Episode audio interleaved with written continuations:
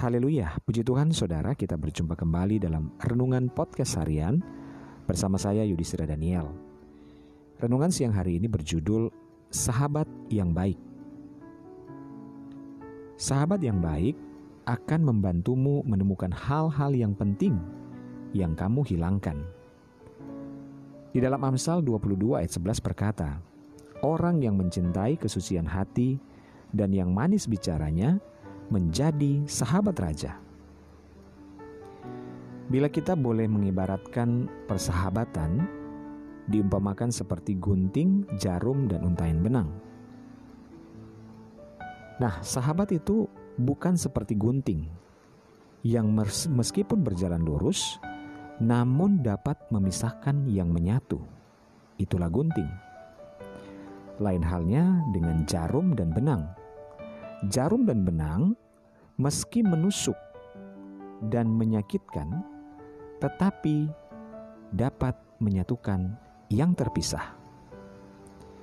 Fungsi gunting memang untuk memotong semua benda yang tadinya menyatu dan kemudian terpisah menjadi bentuk potongan. Sedangkan fungsi jarum, meskipun kecil, apabila terkena kulit, ujung sebuah jarum bisa mengakibatkan luka dan menimbulkan rasa sakit.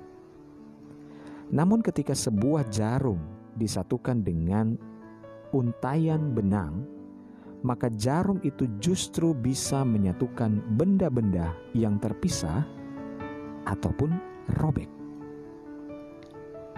Dalam persahabatan, selayaknya kita menjadi pribadi yang dapat menyatukan, bukan memisahkan.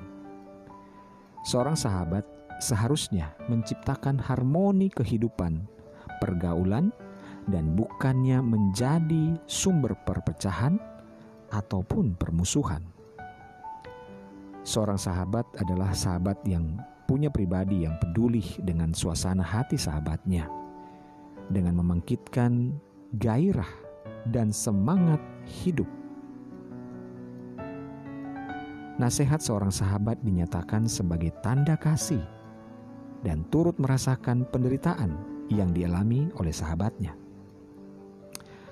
Kesetiaan seorang sahabat akan terlihat ketika sahabatnya sedang memiliki masalah.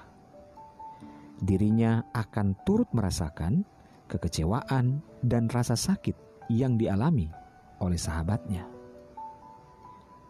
Jadilah sahabat yang baik yang bisa merangkum kembali perasaan hati yang hancur terpisah, seperti layaknya jarum dan benang. Seorang sahabat menaruh kasih setiap waktu dan menjadi seorang saudara dalam kesukaran.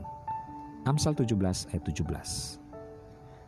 Saudaraku, tetaplah semangat dan bersuka cita. Jadilah seorang sahabat yang baik. Tuhan memberkati.